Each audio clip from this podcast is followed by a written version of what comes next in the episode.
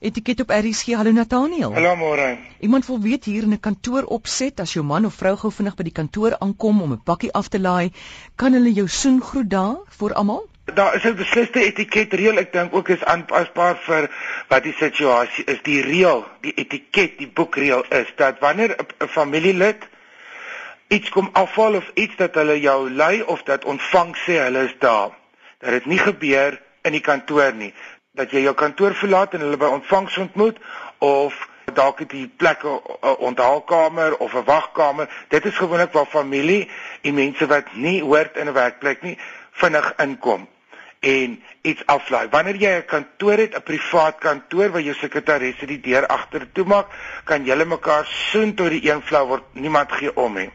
Ek sal nou nie as ek in 'n kantoor sit en iemand kom in en gee my pikseentjie en sê, "Haai, hier's jou skoene wat jy vergeet het nie, dan sal ek nie omgee nie, maar baie keer hmm. dink ek daar's 'n tipe mens wat ek het ook werk ook met mense wat jy weet baie het ek nog nooit hulle familie ontmoet nie en baie om een of ander rede is die daar's altyd 'n sleepsel aan die gang. Dan maak jy reël, maar op aan die einde van die dag as jy ontmoet familie op 'n aparte plek, by ontvangs in 'n wagkamer op die trap of buite. En wanneer iemand 'n probleem het met so iets en dit nie kan hanteer nie, dan is daar in 'n in 'n professionele maatskappy 'n hiërargie en 'n in 'n werking om so 'n probleem op te los jy vir jouself te doen nie. Maar ek dink nie dit is 'n hmm. is nie 'n groot krisis nie. Obviously is hier 'n baie irriterende persoon. Maar soos wat ek sê, die boekreël is gaan doen jou besigheid buite. Goed, en dan 'n brief van 'n ander vrou wat sê sy deel 'n kantoor met 'n kollega. Die kollega van haar is baie lydrigtig.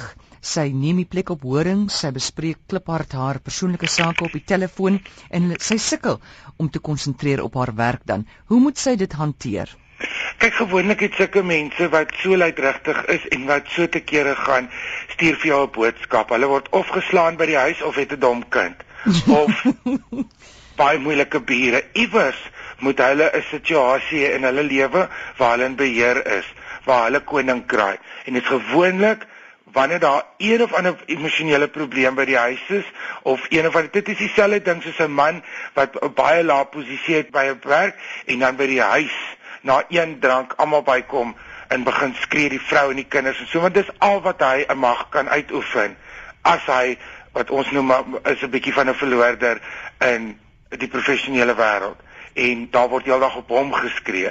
Iewers moet daai ding uitkom. So jy moet dit verstaan dit kom van 'n ander plek af. Dan dis 'n baie moeilike situasie om 'n kantoor met net een mens te deel. Want sodra jy 3 of 4 is, is dit baie dis baie vreemd, maar in in die massiewe kantore waar daar 30, 40 mense langs mekaar op lesenaar sit, is daar op 'n vreemde manier eintlik meer privaatheid want jy is deel van 'n geruis en niemand gaan so te kere gaan nie. Baie keer dink mense net hulle is cute.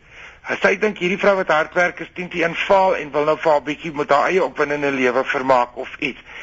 Ek sal nie so kan werk nie. Ek sal gek raak. Ek sal eendag agterbly en met karton my hele lesenaar toepak of ek het hier 'n nota gemaak wat sê dit is die bestuurder se probleem.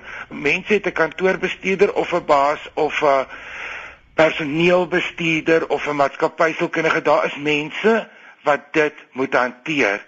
Wat sê ek kan nie my werk doen nie en dit is deel van jou kontrak dat wanneer enige iemand jou aanstel, moet hy jou van 'n professionele situasie voorsien. As jy 'n mechanic is, dan moet die man vir jou onder 'n kar laat lê. As jy 'n tikmasjien of 'n foon hanteer, uit watter eeu uitkom ek? 'n Komputer of 'n foon hanteer, dan moet hulle vir jou 'n situasie gee wat jy werkslewering volkome kan doen. Al hierdie kantoorgoed is minder persoonlik as wat mense vermoed. Daar moet iemand in jou hiërargie wees met wie jy gaan praat. Jy sou dit nie uit met hierdie persoon nie, want dit word dan 'n vreeslike storie.